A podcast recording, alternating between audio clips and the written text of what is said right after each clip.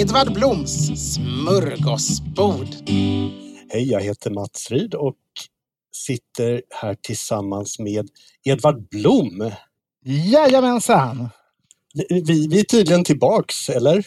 Ja, det var inte igår. Vi hade ju inte tänkt att vara borta helt. Vi hade ju ändå tänkt att liksom göra några, några lite små inhopp sådär någon gång om året eller halvåret. Men nu var det ju evigheter sedan. Det har kommit mycket emellan.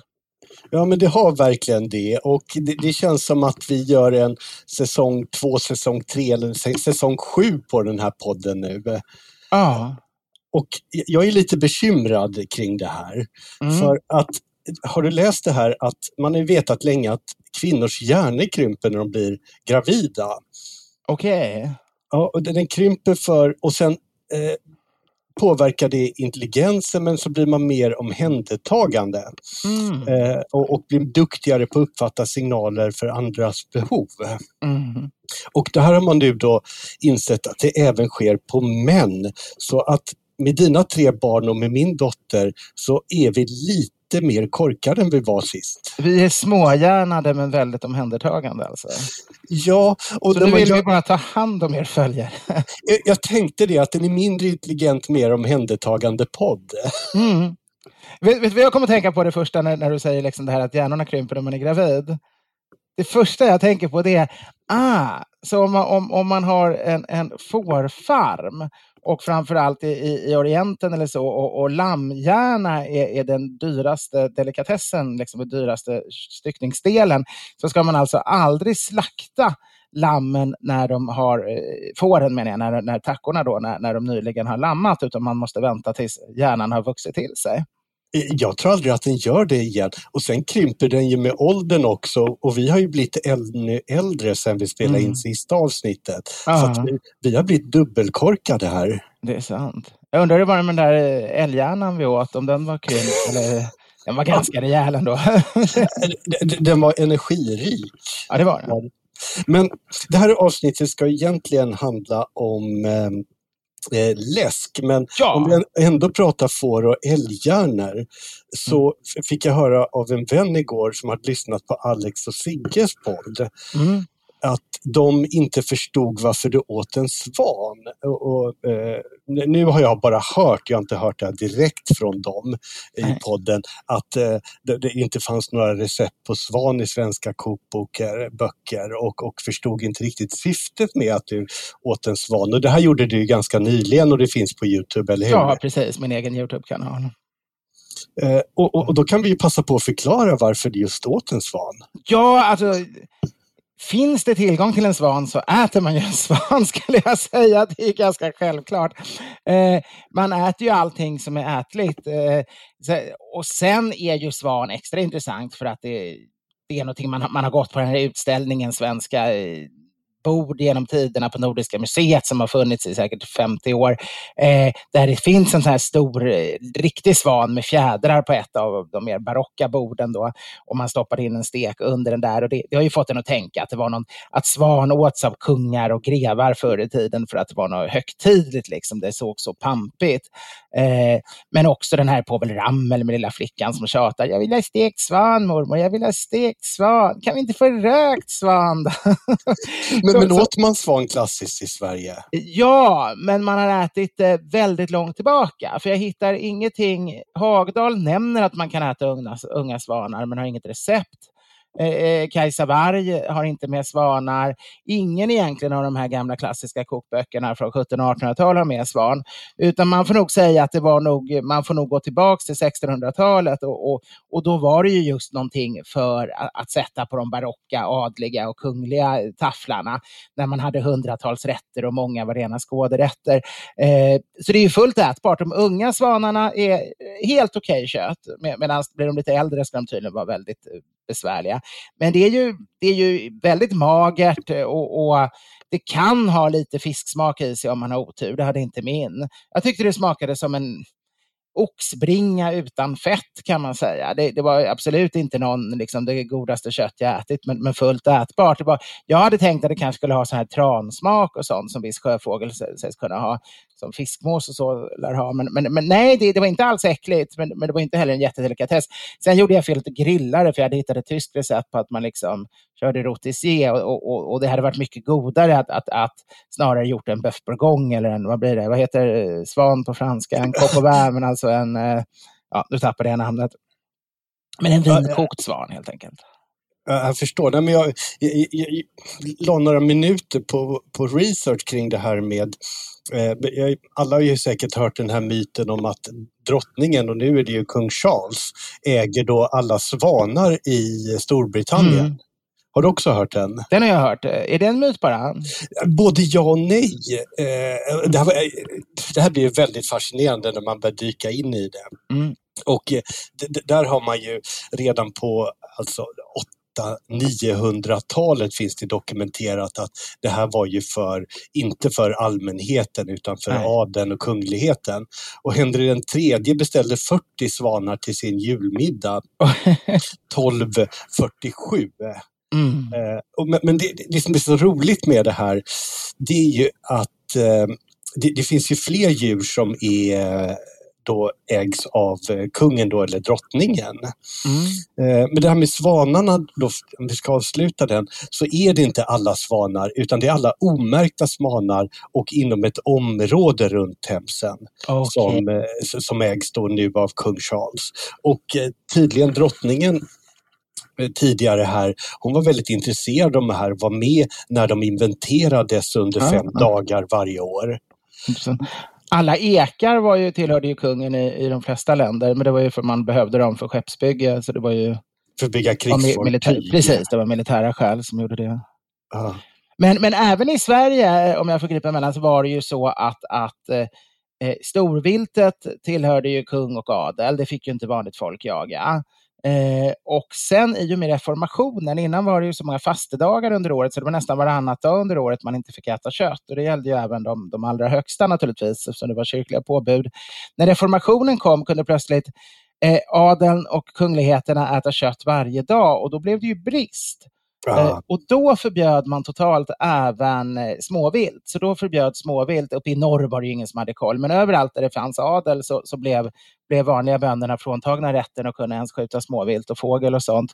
Så, så eh, egentligen var det inte bara svanarna utan det, det var ju all fågel och all, allt vilt som var under många hundra år förbjudet för vanligt folk. att, Ja.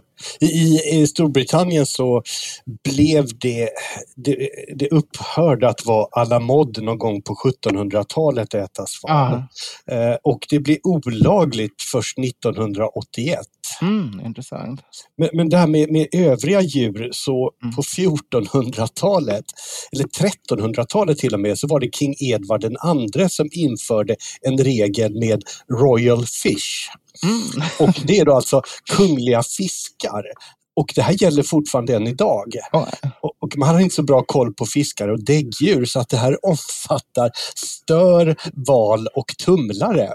Mm. Och fångar man då en stör, val eller tumlare i Storbritannien så måste man erbjuda den till kung Charles. Ja, intressant. Och det här hände 2004, en fiskare i Wales som fångade en jättestör och de här kan ju finnas ute i havet och eh, mm. har tagit sig ut från sjöar. Och det är väldigt ovanligt men det sker. Mm. mm. Och den här vägde 120-130 kilo. Mm. Och då faxade han till eh, hovet och mm. erbjöd dem sin 130 kilo stör. Och, och de tackade nej, de hade inget behov av den. Nej, okay. Men då när han ska sälja den och tycker mm. att han har gjort allting rätt, då kommer polisen till aktionen och konfiskerar stören för att det är en skyddad art. Nej! Ja. Och, och, det här tar inte slut där, utan den här stör, stackars stören då som en fiskgrossist har köpt, den tappar polisen bort, den försvinner. Nej. Så att den är försvunnen och, och, jag hittade mängder med underbara artiklar om det här och sen dök den upp och donerades till Natural History Museum i London. Denna kungliga fisken. Så märkligt. Man vet ju det där att, att en eh, albinostöraren är det väl som är förbehållna. Själva kavian som då blir, blir guldfärgad är förbehållen tsaren och, och eh, sjön av Iran var det väl historiskt. Ah, jag har en vän faktiskt som har ätit albinostar. Ah. Eh, de fick in på sin restaurang, extremt okay. ovanligt. Ja, idag finns det varken någon sjö i Iran eller någon tsar i Ryssland. Och Putin unnar jag inte denna, denna delikatess. Svårt att inte bli deprimerad över denna fullständiga galning. Ja, ja verkligen. Det är så fruktansvärt. Jag tänkte faktiskt öppna en en läskedryck här. Jag sitter med en Champis Zero som äntligen har börjat tillverkas. Som ni vet, de flesta lyssnare, så, så nyttjar jag ju inte socker. Och den tänker jag hälla ihop med lite drycker och is och tre små russin och göra en gröna hissen av. Vad trevligt. Och ska vi säga det att anledningen till att du dricker en champis idag och inte några starkare drycker, det är mm. att du spelar in den här podden från sjuksängen. Ja, lite grann. Jag, jag åkte på den här jäkla eh, maginfluensan eller vad man ska kalla det, vintervomeringssjukan. Eh, det låter trevligt. Smittad av barnen. Eh, så, så jag har varit lite utslagen här igår och är väl inte helt återställd. Men vi får se om jag klarar att ta läppja lite grann på en gröna hissen i alla fall. Gröna hissen är ju en klassiker. Den består ju egentligen av gin, grön chartreuse, Eh, och någon form av champagnedricka, alltså dit både champis och Pommacör den eh, sortens läskedryck som har smak av äpple och eh, druvor med mera. Och dessutom i originalet tre russin och grejen med dem är ju att kolsyran sätter sig på russinen och då flyter de upp till ytan och sen när man dricker så går kolsyran av och då sjunker de ner så det blir som en hiss. Det går upp och ner, de rör och de slår av mot varandra och det, det händer saker. Nu hade jag ingen grön chartreuse hemma. Jag, säga, jag hade ingen grön curacao hemma som det ska göras på utan jag fick faktiskt göra på grön chartreuse istället. Det Blev inte alls lika grönt, men andra sidan blir det nog lite godare. Skål! Skål! Med tanke på temat så sitter jag mm. med en riktig gammal klassiker, en kypargrogg. och det är svartvinbärsbrännvin och mm. sockerdricka. Oh. Man känner ju till de här grosshandlare och mahognygrogg och, och, och, allt vad de heter, men, men Eh, Kypargroggen kände jag inte till med svartvinbär. Alltså. Det vanligaste är ju eh, mahognygrogg är väl, måste jag tänka centrera ihop dem. Grosshandlare är väl konjak och sockerdricka. Och, ja, och devi och sockerdricka är vanligast. Devi, precis. Och, och mahognygrogg, då är det istället vichyvatten istället eh, man blandar det med. Det kallar ju även konjaksgrogg eller brandygrogg eller så. Ja, vi kommer prata lite mer groggar idag för vi ska mm. prata läsk och pratar man läsk ja. så kommer man prata grogg. Det kommer man lätt in på. Men det här svartvinbärsbrännvinet, mm. ja, det är ju eh, från 1929 och mm. jag är alltid lika förvånad varje år som det håller sig kvar i sortimentet. För att eh, det är ju eh, kanske inte den mest moderna produkten men väldigt underskattad. Den är det. För min erfarenhet, jag har alltid sett det bara som det, det tjejerna valde på sittningar. Det fanns alltid besk, OP och så fanns det svartvinbär och svartvinbär var tänkt för damer. Så, så det provade man aldrig ens. Eh, och, och, det är ju lite synd. Men du menar att det, den egentligen är väldigt trevlig alltså? Otroligt trevlig och speciellt som grogg med lite vichyvatten eller mm. eh, fruktsoda. Och där är det ju eh, en viktig sak man behöver tänka på mm. och det är ju att eh, det gäller egentligen all akvavit kryddat brännvin, men mm. speciellt mm. svartvinbärsbrännvinet, det är att den har inte så lång hållbarhet i flaska. Mm. Så det är ingenting man ska lägga undan i spritskåpet och ta fram två år senare utan okay. den här ska man dricka upp inom några veckor tycker jag i alla fall. För när man kryddar själv då brukar man ju vilja, då anses det ju bara bli bättre. Liksom. Sandkleff tycker han, brännvinskryddarauktoriteten, att minst tio år lagrade han varje flaska. alltså, Nej, men... Dels kan man ju lagra essenserna men, men han tyckte själva, själva det utblandade. Och, och det, så skriver han, det är bra för smaken och karaktären. Fast han hade ju så otroligt mycket brännvin i alla skåp. Så jag tror inte karaktären innebar nog inte att han fick vänta tio år. Det nog, han hade nog många på lager som var tioåriga innan han behövde. Ja, ja men det, det, är ett sätt att eh, gardera sig. Mm. Kvantitet. eh, nej, men fördelen då är att den kommer i 35 centiliters flaska. Är det. Mm, mm. Och när jag alltid tittar på sådana här gamla spritsorter som varit med så ser mm. jag på vilket nummer de har som artikelnummer. Mm. Vet du vilket som har nummer ett i Sverige? Det är väl en halv böj helt enkelt, renat, vanligt eh, renat brännvin helt. Ja, den har nummer ett. Den ansågs som standarddrycken när Systembolaget eh, grundades. Och den här ligger på 22. Alltså ja, att, det är väldigt lågt. Ja. ja, får man ändå ge den lite ära. Intressant. För. Vad är det man ska dricka för brännvin allra, som man allra mest förknippar med midsommar? Ja, med midsommar så tycker jag att man ska jag tycker att man ska ha minst tre olika mm. sorters mm. kryddade brännvin. Mm.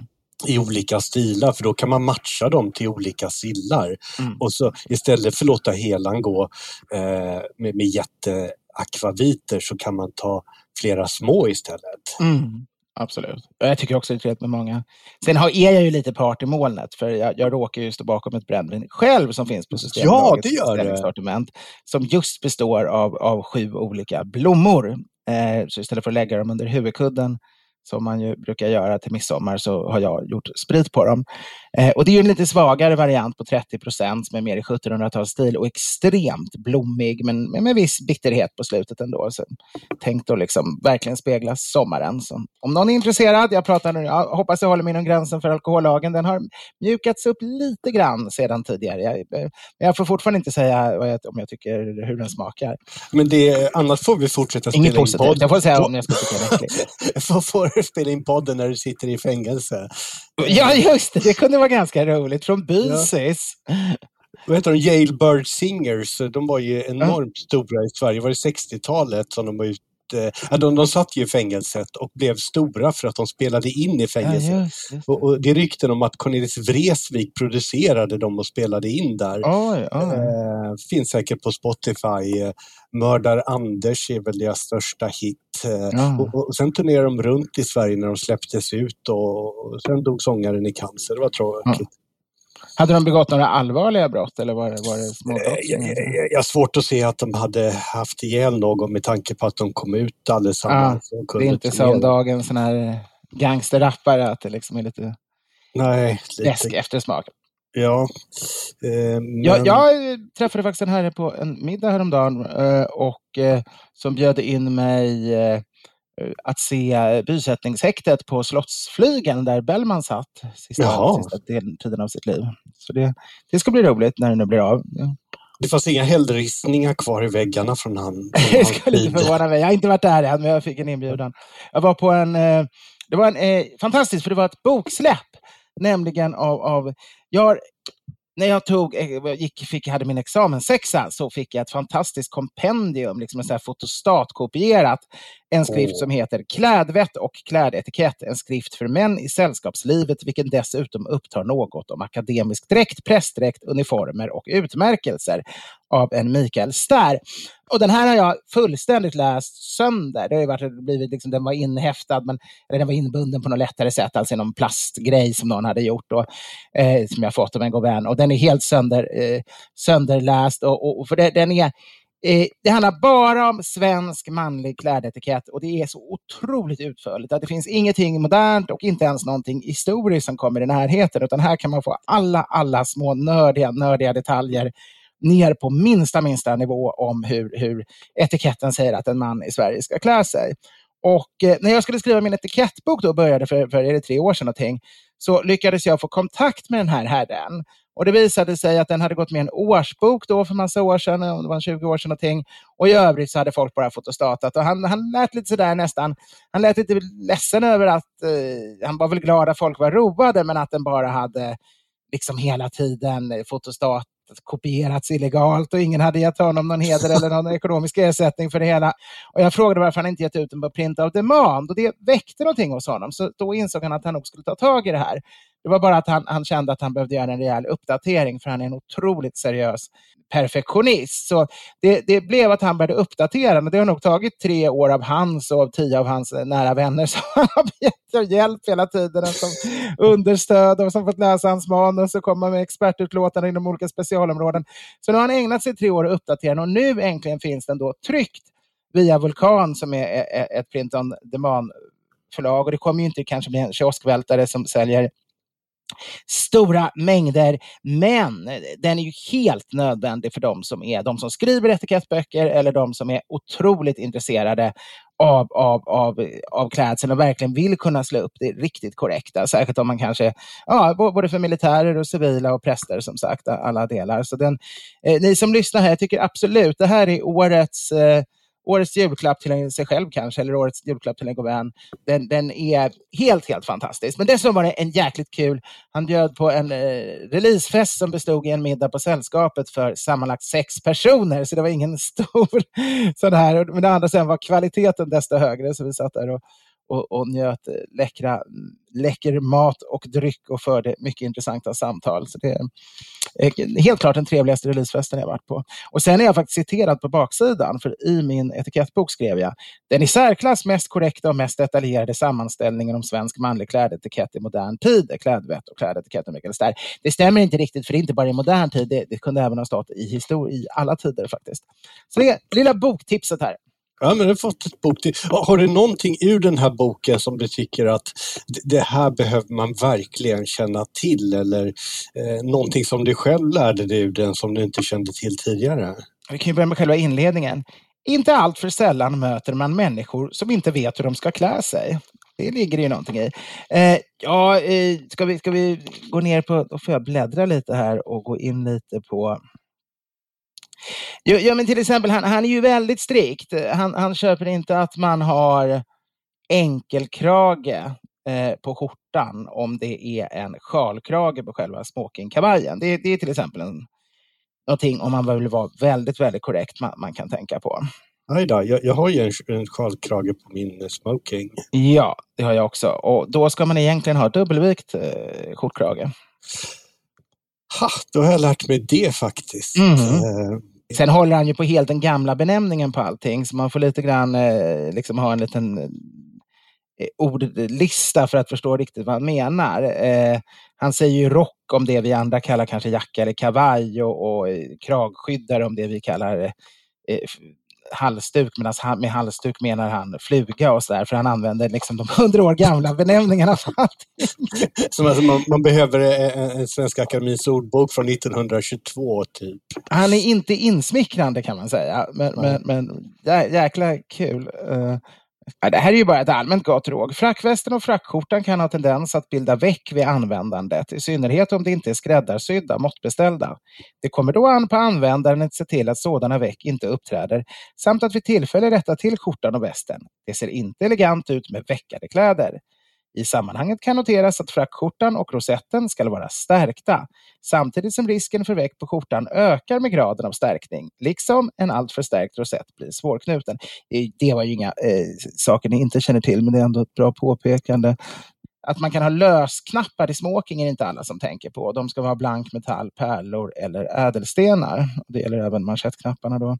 Det är ju viktigt att det måste vara vissa metaller till vissa. Eh, gala ska ju signaleras, det ska egentligen vara guld till, till om det är gala och sånt där. Det, ja, jag hinner inte gå in på allt här, men, men det men, är... Eh, jag blir lite bekymrad här. Då gäller det att hitta den perfekta nivån av stärkelse som ändå ger eh, strukturen men inte väcken och att man inte går för långt åt något av hållen här med för lite eller för mycket. När jag var ung eh, och började gå liksom i sällskapslivet, gå på, på ordenssällskap och så där, där det var frackjämt, då, då köpte jag ju riktig riktig stärkelse, för spraystärkelse är inte tillräckligt för att stärka saker, eh, utan då köper man sån här på tub.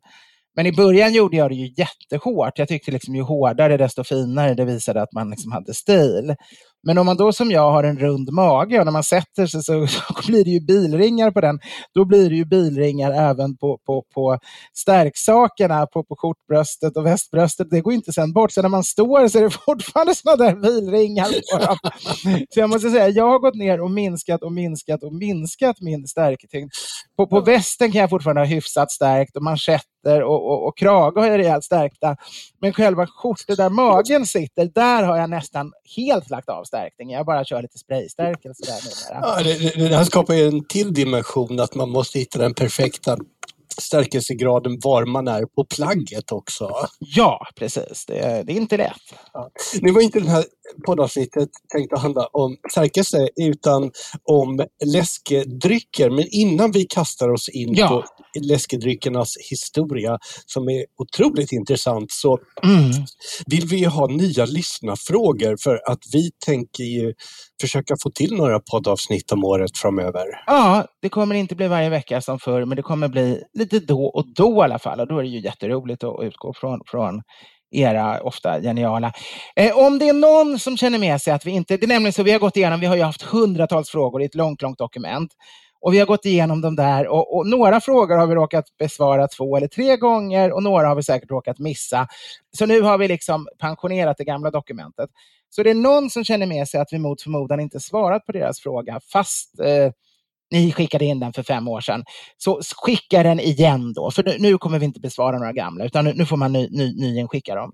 Ja, så är det. Och vi, vi kommer ju återupprepa oss för att vi har ju spelat in en snart närmare 150 avsnitt Aha. och som sagt, vi har redan deklarerat att våra hjärnor krymper.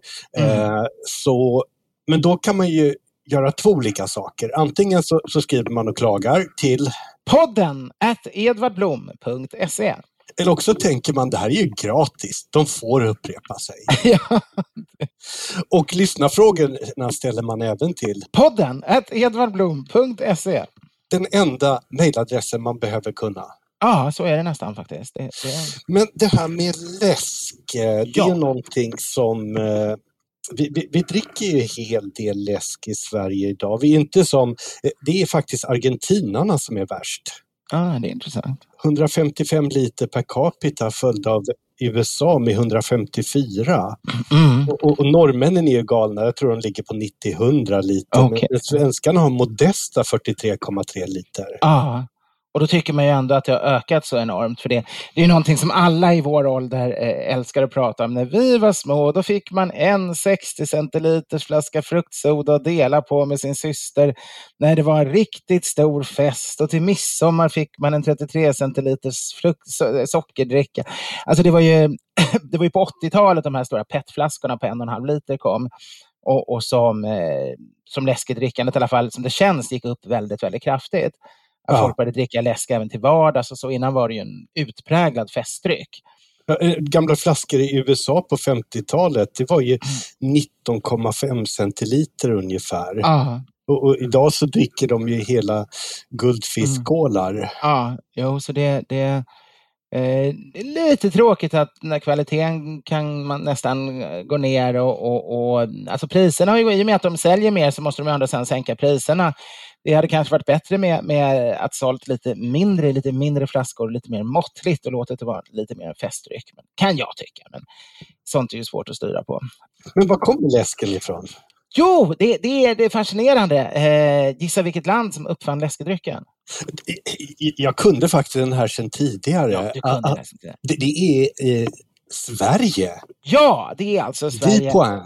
Man kan lite grann, naturligtvis som alla sådana här saker, så, så brukar ju fransmän och engelsmän och sånt försöka hävda, hävda sin rätt till alla, alla grundämnen och sånt. Men, men, men i princip så kan man också säga att det faktiskt är Sverige som, som uppfann den.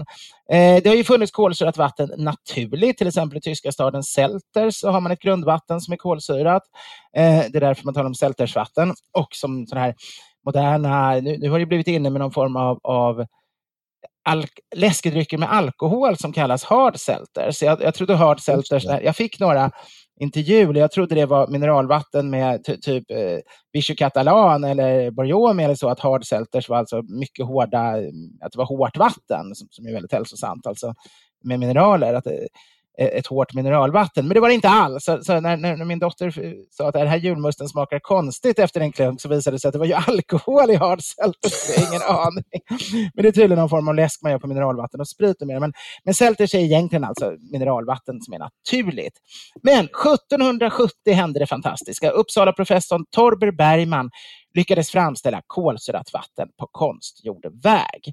Långt senare skulle en engelsman påstå att han hade minsann gjort det tre år tidigare, men det påstod han långt efteråt. Men 1770 är belagt som faktiskt första gången någon gjorde det.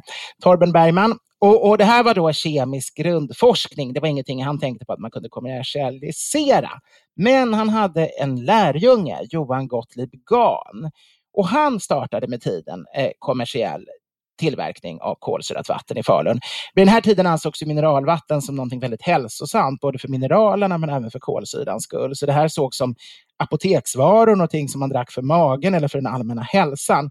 Men ganska snart, eh, redan i början av 1800-talet, skriver då den svenska kemins fader och skaparen av, av eh, periodiska systemet, Berzelius, att eh, det blir deliciöst om man blandar sånt här eh, kolsyrat vatten med socker, bär och varför inte vin. Han uppfinner alltså på en gång, om, om Bergman då hade uppfunnit eh, det kolsyrade vattnet så uppfinner då Berzelius på en gång både läskdrycken och alskoläsken. Det är väl fantastiskt. Det, det, det är väl därför han står staty, antar jag. Inget Nobelpris. Ja, han var väl före dem. Ja, det, det var inte instiftat och han skulle få ett postumt för det här tycker jag. Ja. Kommer du ihåg de där Hoosh och Pops, allt vad de hette, när alskoläskarna blev så stora någon gång? Var det Åh, 90-tal någonting? Va? Jag pratar inte om det. Jag jobbade som bartender när, jag eh, studerade på Handels i Göteborg och eh, jobbade på en bar. Det var ganska ungt klientel och vi hade någonting som hette Peters Pops. Mm. Och, och, på den tiden var det väldigt vanligt med de här gräsliga chilinötterna i baren. Ah, just, just, ja. och, och, när det står en överförfriskad ung man som har hela munnen full med chilinötter och ska beställa ett Peters Pops persika och det bara flög chilinötter över hela mig. Det skulle vara förbjudet med alkoholhaltiga drycker på bokstaven P i barer. Det är roligt. Jag kommer ihåg att jag satt nere i Vinjas vinkällare med min gode vän Lotta för, för massa, massa år sedan. Vi var båda vinintresserade. Vi, vi satt där och, och drack vin och det var ett litet bord och så var det en, ett ljus. Och, och vid något tillfälle så, så, så berättar jag, säger jag någonting om, om, om min pappa. Och då blåses ljuset ut och så får vi gå och tända det hos någon, någon grannbord, lite pinsamt. Så, så går det någon timme och, och, och så nämner jag min gode vän Patrik och då blåses ljuset ut. Och vi får återigen gå. Och sen precis innan vi ska gå så, så kommer vi in. Ja men förresten, jag var med Lars på Parsifal på Operan och den slocknar för tredje gången. Och då, ja, då ger vi upp, fast det blev ganska mörkt. Det skulle ha gått ett Hoffmans äventyr istället på Operan. Ja, precis. Det hade inte varit något problem. Det finns ju även i, i My Fair Lady, där har han ju någon sån här gaslåga som när hon ska uttala orden och, och gör man rätt ska, gas, ska lågan slockna men sen tänds den igen då genom system. Så det, det, är, det är verkligen vissa ord, så, vissa ljud så där, så, som blåser ut. Det är märkligt men ja, ingen, ingen, uh, inga chilenötter i munnen då. Men, men, nu har vi både kolsyra, nu har vi både alkoläsk och läsk. ja, det var där vi var. Men min förkrympna ja. hjärna. Eh, jag har ju dessutom hade en släng av covid här för, för en tre månader sedan. Jag märkte att hjärnan blev ännu konstigare av det. Så det, det, det man, man, är mer och mer tankspridd. Man börjar bli som en gammal professor. Men det var läsk vi talade om. Ja, 1835, då har det här börjat spridas lite grann. Vi kan bland annat se annonser från, från ett stånd på Djurgården där en apotekare säljer mineralvatten, eh, natur, alltså konstgjort kolsyrat mineralvatten, som han efter avnämares behag även försatte med bär, frukt och lemonadessenser. Så nu har det alltså blivit så att man börjar tillverka läskedrycksessenser och så blandar man det med det kolsyrade vattnet. Eh, det här, nu kommer vi faktiskt till, till en, en kamrats kamrat eller en kamrats släkting här, för, för de flesta apotekarna som då var de som sålde mineralvatten, eftersom det ansågs som en medicin, var väldigt kallsinniga till det här. Och det största företaget, Apotekarnes mineralvattenaktiebolag eh, så, som då helt dominerade marknaden, som då var ett stort bolag som har köpt en massa apotek. En massa apotek hade gått samman och startat en gemensam mineralvattenfabrik istället för att var och en skulle göra eh, tillverkade mineralvatten. Och deras första VD, han hette Georg Goffeng. Eh, Goffens dubbelblandning som vi ja! förhoppningsvis ska dricka. Han, han måste varit släkt med, jag, jag, tror inte det han var den apotekaren, men det måste varit en apotekssläkt, för det var en apotekare även som gjorde Goffengs eh, dubbelblandning. Och den har vi någonstans eh, har vi ju någonstans liggande den flaskan så, så vi ska dricka. Men det är inte det här programmet, det blir ett senare program. Men här har vi alltså, vi borde kolla upp fram till dess hur då eh, VD Georg är det Goffin eller Goffeng man uttalar det? Jag är lite osäker. Ja, du är bättre på att uttala än vad jag är när det gäller... Vi får fråga Gunilla när hon kommer hem. Namn, ja. Eh, hon är på bilprovningen. Det är helt sjukt. Vet du förresten det? Det kommer aldrig... Vi skaffade ju bil för några år sedan och ja. varje år kommer en lapp att man har körförbud. Ja, men, det men kommer det är aldrig ett brev som säger nu är det dags att besiktiga bilen. Utan de väntar tills tiden har gått ut och då hör de av sig och säger nu har ni körförbud för att ni inte har besiktigat bilen. Ja. En gång så lade jag in i kalendern när bilen skulle besiktigas i förtid. Men, äh, jag brukar alltid få sån här reklam eh, eh brev utskickade från olika... Ja, ja det vore ju smart. Jag, har ett bilsläp som ska besiktigas vartannat mm. år och jag använder det ungefär fyra gånger per år. Ah. Så, så, att jag hinner köra med det åtta gånger innan det ska besiktigas, ah. det här lilla enkla släpet. Ah, fy vad jobbigt. Men i alla fall. Eh, det här är då alltså den ena, man kan säga huvudroten av läsken. Det är hur man lärde sig att kolsyra vatten och blanda det med, med essenser av smak och socker.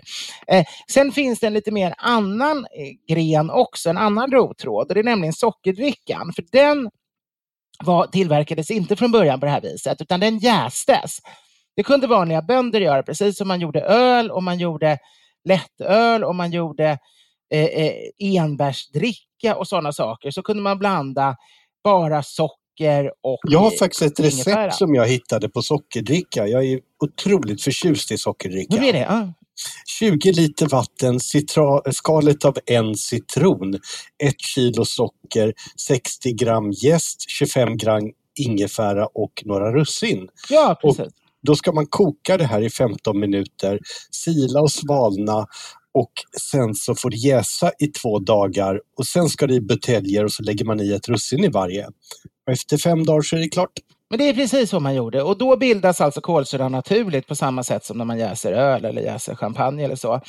Eh, så det, det är en helt annan förhistoria. Då behövde man ju inte göra konstgjord kolsyring utan då, då jäste man tills det. Nackdelen med det är att det blir lite alkohol.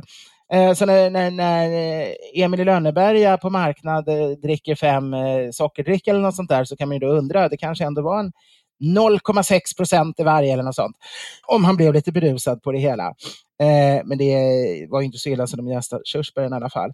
Men, men det här växer ihop sen kan man säga, för när vi kommer in, in, in på eh, sent 1800-tal, då börjar man laga sockerdricka på samma sätt som, som andra läskedrycker. Då slutar man att jäsa den är lite synd idag. Det vore kul egentligen om man idag kunde börja göra sockerdricka på det riktiga klassiska sättet igen. Ja, men det, det finns ju mycket eh, kombuchan, eh, mm. så här, eh, olika um, ginger beers som man jäser, ah. root beers och liknande. Så det, det ligger ah. helt i tiden. Och de är ju exakt samma tradition. Ginger alen, är ju också ingefära och socker, och, ja. och lite, fast det är lite malt där kanske snarare än socker. Och den, den, är ju snarare Irlands variant av sockerdricka från början, fast den sen fick sin moderna utformning i Kanada faktiskt. Men vad var det då för sorters läsk man kunde erbjuda i Sverige när vi har kommit fram till mitten av 1800-talet? Jo, först var det, de största var sockerdricka, det är liksom själva urlisken, citronbrus, alltså citronsoda av något slag, äppellemonad, champagnedricka och hallonlemonad. Det, det, är de första som, som finns hos nästan alla. Sen kommer apelsinlemonad, smultronlemonad, eh, bocklemonad, vaniljbrus, godtemplarmjöd, banansider, grenadinbrus, ryska ministerns lemonad, laktikalemonad eller Waldmeisterlemonad. Waldmeister är ju myskmadra, det som, som tyskarna har smaksätter jelly och berlinerweisse med, det här gröna. Så det var en ganska stor, ganska snabbt blev det en ganska stor bredd.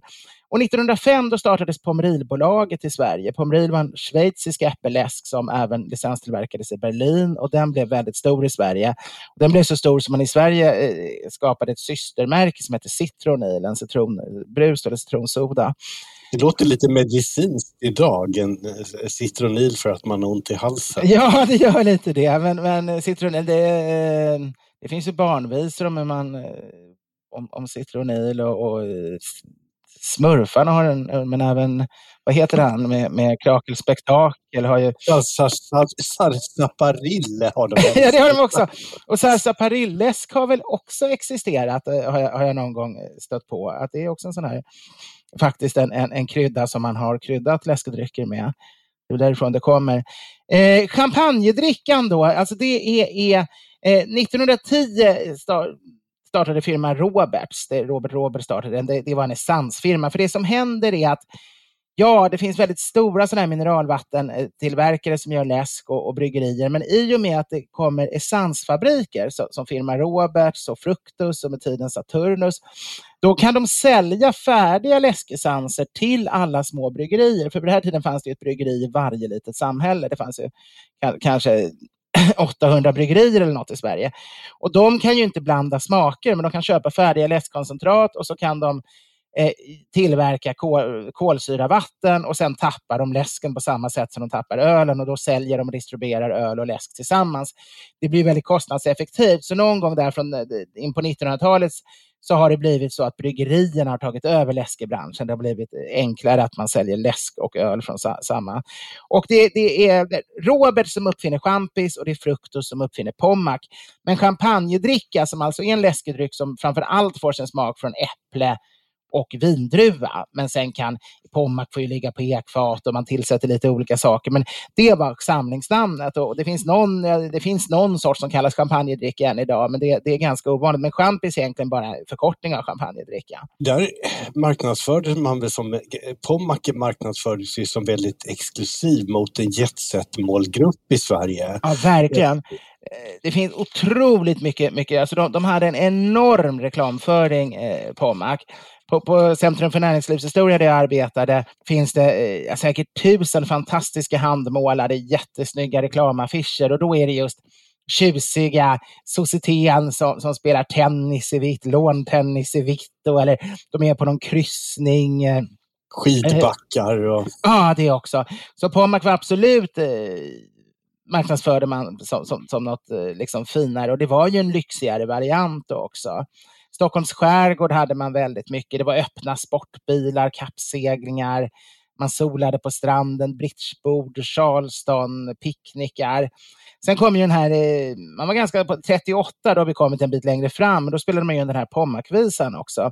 Eh, så det var den första den här ljudlåtsreklamen med Först ska man ha en flicka, ho ho, ja ja, sen någonting att dricka, ho ho, ja ja. Kom lilla flicka, kom Mac, ha ho, ja ja. Jag har en flaska Pommac, ho ho, ja ja. Hade det funkat idag tror du? Ja, jag vet inte, kanske. Det, det är svårt att veta vad som slår i reklamsammanhang. Men det här med att alla de här småbryggerierna eh, hade sin egna mm. sockerdricka. Det, jag har säkert nämnt det här något poddavsnitt tidigare, men ett tag så började jag köpa på Tradera gamla såna här mm, läsketiketter. Mm. Det finns ju från varenda liten småhåla ah. i Sverige eh, hade ju sitt egna lilla bryggeri. Mm. Och, de är otroligt charmiga och kostar ingenting om man är ute på Tradera och letar. Nej, det är otroligt jag håller med. Det, det finns också på Centrum för näringslivshistoria otroliga samlingar. Det var ett av mina första jobb faktiskt att gå igenom. Jag satt på dåvarande Prips och, och, och skulle förteckna, det var öletiketterna, men jag, jag, kom in på läsketiketterna också då lite grann. Eh, det var innan jag ens var fast anställd. Så, så. Och, och, det kan jag berätta om jag får berätta lite min egen historia. Ja, det får du. Min absolut första liksom, riktiga uppträdande i massmedia det handlade om läskedryckernas historia. Då berättade jag ungefär det jag berättar nu, men mycket, mycket utförligare. Det finns fortfarande kvar. På, och det var Vetandets värld. Så söker man på Vetandets värld och Edvard Blom så kan man fortfarande få upp det och lyssna på hela det. Och då pratar jag oavbrutet, för det var liksom första gången jag fick, fick dyka upp i media, så jag var ju så otroligt taggad. Det var så otroligt inläst. Och jag bara babblar på. Så var det en fläkt som gick och det visade sig att Eh, den där fläkten gjorde att de kunde liksom inte klippa i. Det lät väldigt konstigt. Så de behöll hela mitt 45 minuters bara konstant pratande utan några klipp. Det bara rakt av. Och så sändes det i P1 och, och det var hela 19 år sedan. Så man skulle kunna säga jag brukar säga att det var mellan, mellan skål och vägg i TV8 som, som jag liksom, mitt liv ändrades rätt mycket, mitt yrkesliv totalt och, och jag blev en mediepersonlighet och började jobba med TV och radio. Men det fanns ju en förhistoria med, med min tid på, på eh, bara i små inslag då på Finansnytt. Men redan innan dess hade jag alltså gjort det här för P1 och då var jag bara intervjuad. Men det, men det var ändå helt klart min, min... Vill ni höra det allra, allra första? För 19 år sedan jag gjorde inom, inom media så, så var det detta. Ja, det är nästan 20-årsjubileum med äh, läsken. Den är tidlös. Sen, sen, kom det ju... Eh, de amerikanska läskedryckerna, det, det, framförallt var det, alltså det finns redan, eh, man brukar ju säga att Cuba Cola då är den första svenska eh, läskedrycken som fanns, för den kom då lite tidigare. Det var ju förbjudet med Coca-Cola i Sverige. Eh, för man fick inte ha koffein och fosforsyra i, framförallt inte koffein. Och sen, sen tilläts detta och då han Cuba Cola kom ut före Coca-Cola kom till Sverige. Men jag hittade faktiskt just i sådana här gamla läskiga etikettsarkiv att det fanns Cola Nos Lemonade redan kring år 1900. Så, så eh, att man gjorde läskedrycker på, på kolanöt, det, eh, det har åtminstone funnits längre.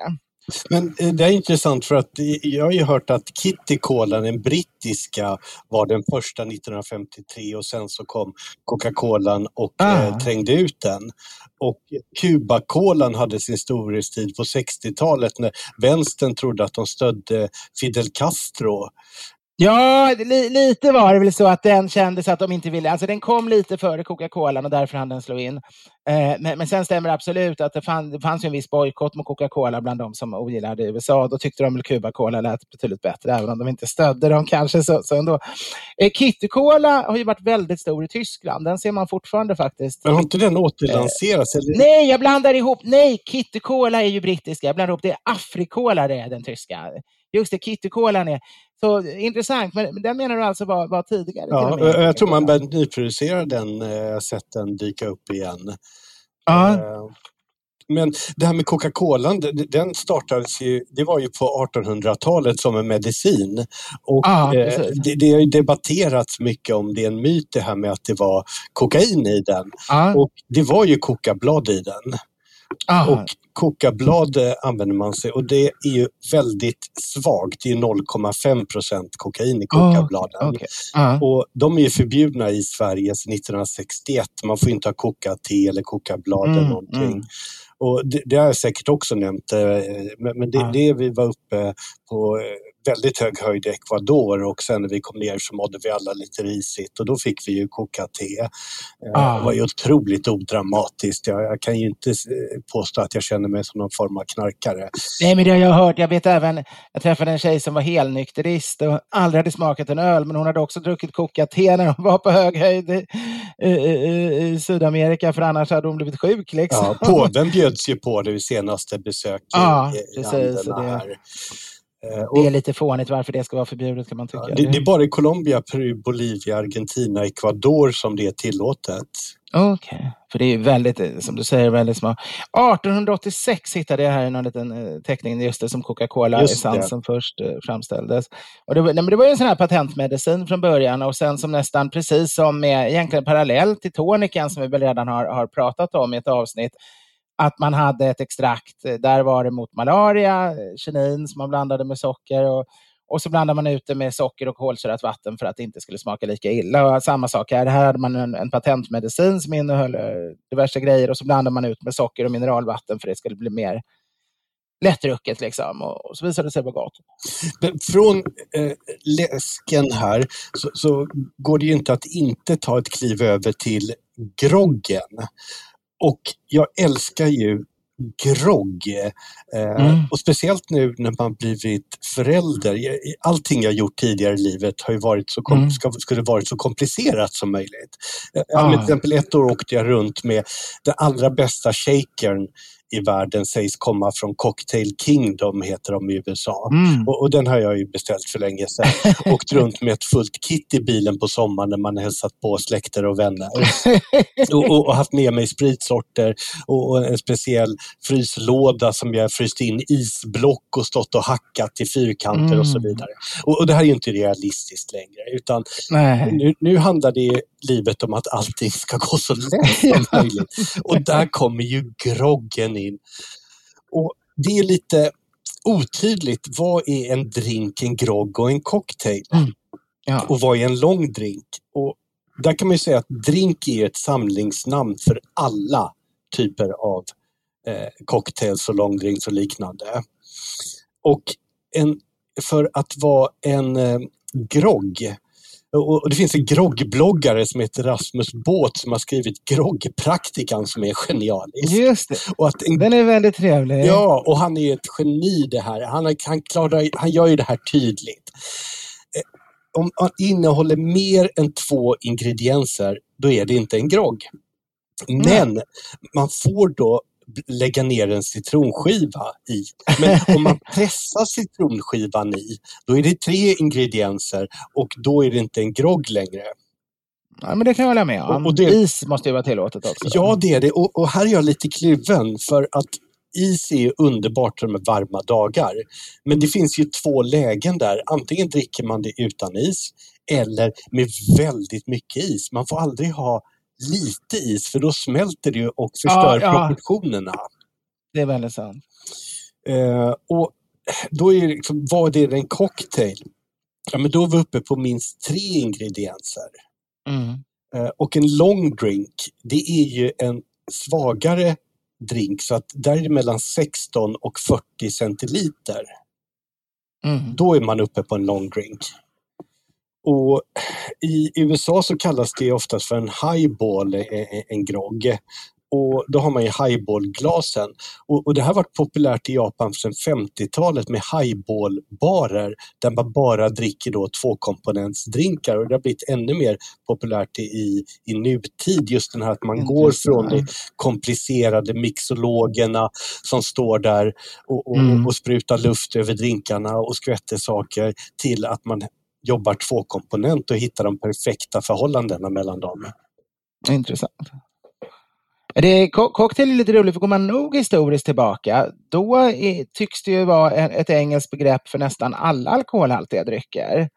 Man tar cocktail efter maten och det, det, kan vara liksom vin och sprit som står framme bara på ett bord i kristallkaraffer. De talar om det som cocktail. Men, men, någon gång, men i Amerika får det ju den här klara betydelsen liksom av, av någonting flera saker som rör samman eller skakar samman. Men, men originalcocktailen i USA innehöll fem ingredienser. Mm. Jag tror mm. det var eh, sprit, socker, bitter, eh, om det var någon vermouth. Mm. Eh, eh väldigt så specificerat vilka fem ingredienser det var. Just det.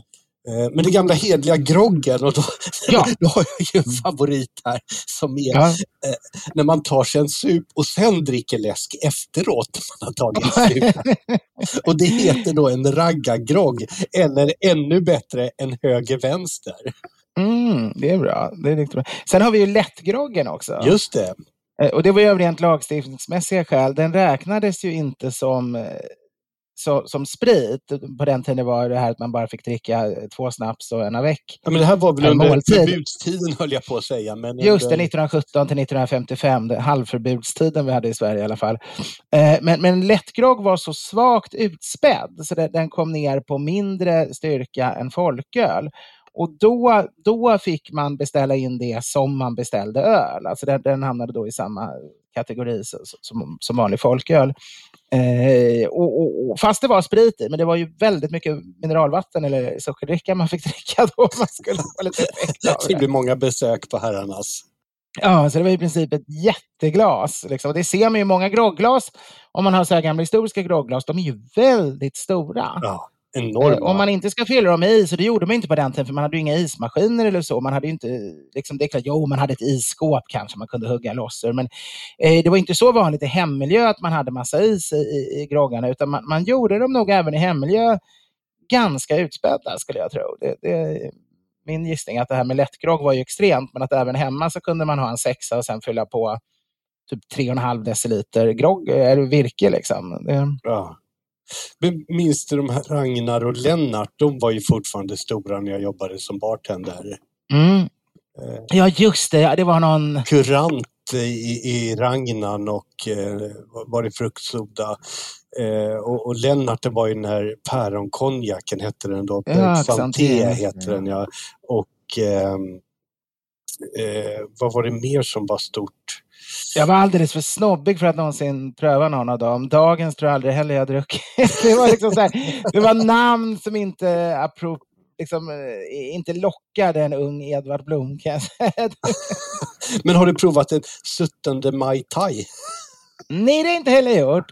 Men jag gillar sådana här tiki-drinkar. Gillar. Jag tycker att det finns något härligt dekadant i en Mai Tai eller, eller eh, de här liksom med massa ananas och grejer i. tropiska drinkar. Det, det, tycker jag kan vara väldigt charmigt. Jag tycker om att ta en sån, en, en typ om man flyger en, en en, en tidig morgon när andra, de flesta ska på affärsresor och går i gråa kostymer. Då beställer jag in en, en, en dubbel pina colada eller mai tai eller något i den stilen och sitter där med massa ananaser och lite guldutsmyckning och tre deciliter rom och frukt blandat. Och mycket parasoller. Och... ja, precis. Sitter de där tillbaka lutat på Arlanda det var Frankfurt eller något och skrattar åt folk. den här 17 maj tai, det är ju eh, i i eh, Norge som är det stora bruslandet i Norden. Ja, just, just. Då har de ju Oskar Sylte som är en av de gamla tillverkarna 1920-tal. Mm, och mm. den första läsken som lanserades var ananasbrus som fortfarande finns kvar nu hundra år senare. Oh, oh. Och en 17 Mai Tai är rom och ananasläsk från Oskar Syltes. okay. Ja, det är säkert helt okej. Okay. Alltså, det är ju ganska gott att blanda bara rom och ananasjuice, men det är inte lika gott som när, man gör lite mer avancerat. Det är klart, eh, det går inte att jämföra. En, en riktig Mai Tai, där ska man ju ha falernum i. En, eh, mm, mm. Och, och, den säljs ju inte på Systembolaget tror jag, inte ens i beställningssortimentet. Ja, det är dumt. Då har vi återigen det där problemet med och sen i, i, Alkoholregleringarna. I, i, I, mitt jaktlag som jag är med i, i södra Norrland, där, även om jakten är i oktober-november, så, så på kvällen så får man eh, utan is en elak tomte eller en tomtepops. Jag föredrar elak tomte och det är hembränt och julmust såklart. Eller, kö ja, min, eller min, köper sprit. Min favoritgrogg är nog faktiskt den, den mest simpla av alla. Det, det är en fyra eller sexa eau de vie eller konjak och så fyller man på bara med sodavatten. Det, det, det, tycker jag faktiskt är riktigt gott. Det kan man ta om man kommer sent någon natt till någon nattklubb eller något och man inte känner för något mer speciellt. Man bara behöver liksom uppehålla alkoholspegeln och vätskenivån i kroppen lite grann. Ja. Min absoluta favorit själv, för det får ju ändå klassificeras som en grogg, det är ju Campari Sodan. Jag har ah. aldrig någonsin förstått mig på Aperol Spritzen när det finns Campari Soda. Inte jag heller. Jag, jag, jag, jag, kan inte förstå varför Aperol har blivit så stort. Det är skicklig marknadsföring antar jag. Jag tycker Campari är mycket godare. Ja, och det måste alltid vara en apelsinskiva i, aldrig en citron. Mm. Nej, det, det, har du helt rätt i. Det har du helt rätt i. Eh, länge hade jag, jag förknippade av någon anledning Campari Soda med att åka tåg. Uh -huh. Jag tyckte det, det kändes väldigt trevligt att sitta när man åkte sådana här moderna snabbtåg och satt i någon, någon, jag måste ha fått jag tror jag fick det på någon, det, det var någon engelsk snabbtåg som faktiskt hade en riktig bar. Och det, jag tror jag drack det där första gången. Ja, sen hade jag sett en reklamfilm från Campari på ett tåg också tror jag. Och det där ihop i huvudet gjorde att jag, jag länge brukade gilla att ta med en Campari just när, när jag åkte tåg. Alltså Campari Soda. Eh, min farmor brukade berätta hur det var på, på i början av 1900-talet. Om, eh, vi hade en, eh, flera skärgårdsvillor, då, släktingar ute ute i skärgården som de hade köpt på 1800-talet. Och eh, då, på, på, den tiden, så, när farmor var liten, då tillbringade alla, alla kvinnorna barnen och tjänstefolket var då ute där hela sommaren, hela juni, juli, augusti. Med, Medan männen var naturligtvis inne i stan och jobbade och så kom de ut jag vet inte om det var på fredagen eller lördagen, men till helgen i alla fall kom de ut med ångbåten och då tyckte alla så otroligt synd om de här gubbarna som hade behövt kämpa var i den varma, dammiga staden och kämpa och försörja eh, alla de andra som bara kunde njuta ute i skärgården. Så då stod, stod de uppställda då med groggar. Oh, När de hörde ångbåten tjuta så blandade de groggar. Och så kommer då gubbarna och de fick liksom trampa sig upp där för det var, det, det var väldigt långt, det var uppe på en höjd så många skärgårdsvillor. De fick ta sig upp där för stigen då. När de kom fram till, till, till villan då så stod alla, så då var det bara direkt, alla gubbarna fick varsin stor grogg och behövde inte ens hälsa och kyssa ja. sina barn. De först fick de svepa i sig sin grogg och sen, sen var det, bytte de väl om till ljusa skärgårdskläder och, och började leka med barnen och hundarna. men, men det roliga är ju att att, att alla trodde då att de stackars männen bara hade jobbat jättehårt i stan. Men eh, tänk dig själv, alla fruar och alla... De hade varit ute och rumlat hela nätterna. Ja, det är klart som fasen. Somrarna i stan måste ju varit fantastiskt herrklubbsliv. Liksom. Och gå hem när solen gått upp i gryningen. Och även om den inte var inspelad, Monica Zetterlund sakta vi går igenom ja. Går, och, och, sparkar på sin höghatt längs Strandvägen. Precis. Efter att ha varit på varieté och druckit punch. Eller, eller smörjt kråset med smörgåsbord och tre, fyra snapsar. Undrar på att de utarbetade ut bakfulla som... Ja, precis! Och sen blir de mottagna sådär. För vilken tid! Först rumlar man hela veckorna, vardagar i helgen i Stockholm och sen, sen blir man mottagen som en hjälte och kung av familjen när man kommer. Ja, det är andra tider. Jag hade en liten incident här. Jag, eh, Johanna var bokad på middag och vi var inte riktigt synkade och, och eh, jag hade då det var länge sedan jag var där men äntligen ett besök på Franzén igen.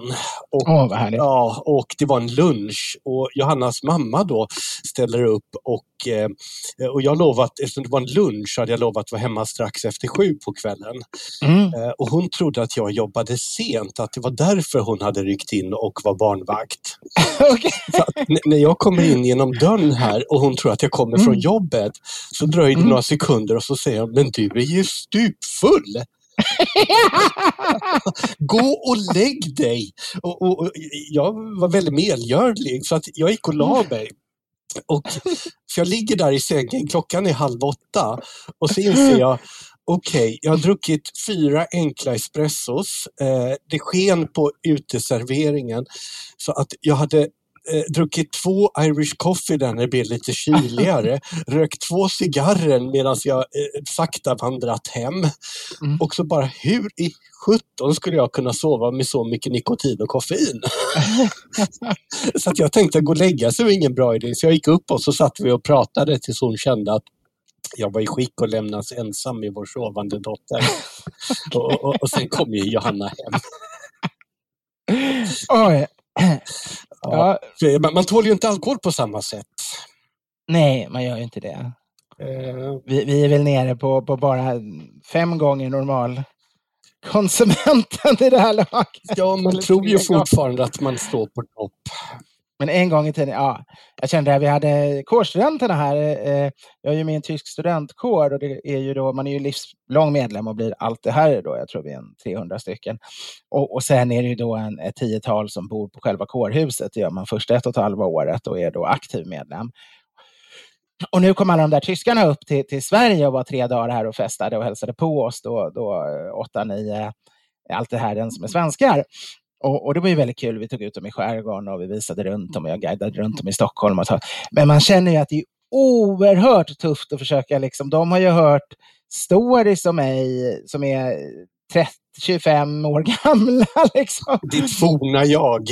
Och så tar de för givet att, att man ska leva upp till det där, allt man har hört. Och man sitter där och skroderar och man kan ju inte liksom helt bara säga men numera dricker jag bara kamomillte och mjölk, vilket är nästan är sanningen. Liksom. Man, man sveper ju inte öl vare sig i den hastigheten eller den mängden. Som, som man, så, ja, det är ganska hårt att försöka ändå visa att man inte fullständigt har chanserat och, och, och, och dragit sig tillbaka från Får försöka, försöka hålla fanan för högt. Ja, jo, vi gick hjälpligt i alla fall, ska jag säga. Men vi, vi hade sett till det smarta att vi, vi gubbar åkte tillbaka från Skärgårdsön i, i, i, i, i eh, taxibåt. Först hade vi sagt klockan 10, sen blev det klockan 12. Men då lämnar man ändå innan. Man slipper de där sista en och en halv timmen som oftast är det så, så, ja, som, som man inte det. riktigt överlever fysiskt Nej. i den här åldern som gör att man blir sjuk. Vi, vi ska sakta börja runda av här. Men, vi, ja, En allra ja, sista sak bara. Eh, om läskedrycker. En liten anekdot som är ganska rolig. Vet du hur Fantan uppkom? Ingen aning. Fantan, det var eh, när Coca-Cola såldes ju naturligtvis väldigt mycket i, i, i Tyskland, även efter nazisterna tagit över.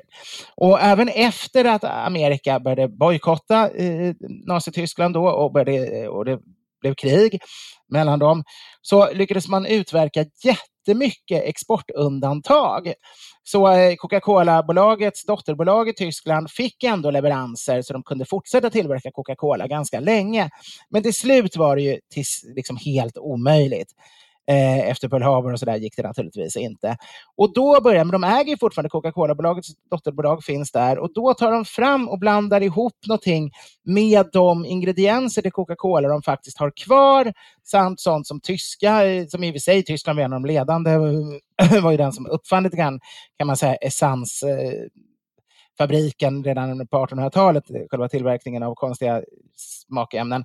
Eh, så de tar egna smakämnen och amerikanska och får till något lite liknande Coca-Cola. Och det säljer man då under namnet Fanta som kommer av tyskans fantasi. Eh, som då, och det är alltså inte en apelsinläsk först, men, men efter andra världskriget, lustigt nog, så, så tycker man det här namnet är så inkört, så när Coca-Cola kommer tillbaks 45 Eh, då behåller man, flyttar man över namnet först till en italiensk apelsinläsk har det där, men sen kommer den eh, då Fantan som apelsinläsk och det finns även citron och lite annat över hela, hela Europa eller stora delar av Europa. Men från början var det alltså en, en sorts eh, hopkok av de Coca-Cola-ingredienser som fanns kvar under. Så det var, det var liksom nazitiden som skapade Fantan. Det, men är det politiskt korrekt att dricka den idag? Jag tror att det där ändå har jag tror man, måste man kan gå dricka vidare. den idag. Men man, man, det är ändå lite märklig historia. Ja, det så, men, så men det, Hugo Boss var det väl som designade uniformerna, var det inte det? Jo, det var det ju. Så jag menar, I Tyskland, det här var ju ändå ett amerikanskt dotterbolag, ja. det, det hör väl till det min, minst anfrätta. Det finns ju ingenting som inte har kopplingar till nazitiden på något vis. Liksom. Det, det är klart att det alla företag som fanns då var ju på ett eller annat sätt eh, inblandat i krigsekonomin. Vi blickar framåt. Men vad jag tänkte på, jo, när vi rundar av här också, vart mejlar man? Ja. Podden at edvardblom.se. Då ska vi se att Edvard stavas med W och Blom med ett O. Inte med två O. Vilket är lite konstigt kan man tycka. Då. Det, många tycker det skulle kännas bättre att det antingen var Edvard Blom med enkel V eller Edward Bloom, Liksom. Och det här är mitt eget fel, för vi har de flesta i släkten, det finns några undantag, men det är ett släktnamn Edward, och nästan alla har stavat med enkel V och jag döptes faktiskt med enkel V. Men jag, jag kallades alltid Eddie som barn och när jag någon gång i högstadiet eh, växlade och ville att alla skulle säga Edvard, det tror jag var från sjuan, och började använda det istället. Då tyckte jag att W var så mycket ståtligare så jag började skriva med W. Och det skrev jag in överallt, så det hade jag offentligt. Till och med på lägget stod det W, men i passet var enda stället där det stod enkel V. Det, det märks att, att vi inte har fått prata på ett bra tag, eller hur? Ja, det märks det. Ingen vill sluta. Men jag tänkte bara, när vi rundar av här också. Eh, eh, jag har ju, jag har ju varit med och utvecklat en restaurang och bar under tre års tid.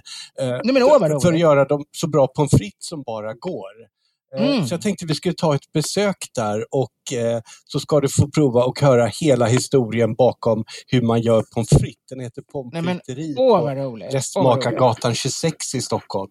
Ja. Och eh, otroliga drinkar från eh, Laventuras och eh, Kåkens gamla bar. Och reklam har vi glömt. Lite ja. reklam måste vi ha också. Vi har nämnt eh, Edvard Bloms högtidssnaps eh, som finns på Systembolagets specialsortiment.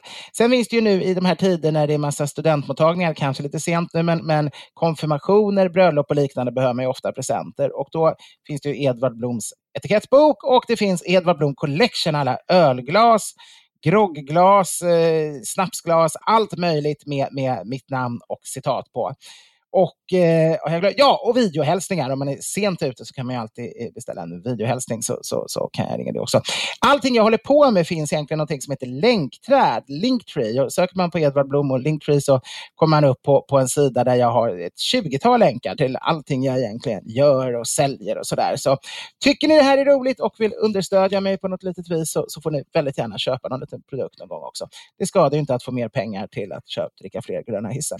Eh, stöd din lokala Edvard Blom. Vi hörs på obestämd framtid. Ha det gott! Det gör vi! Vi lovar inget, men på återhörande någon gång. Sköt om er! Och glad sommar!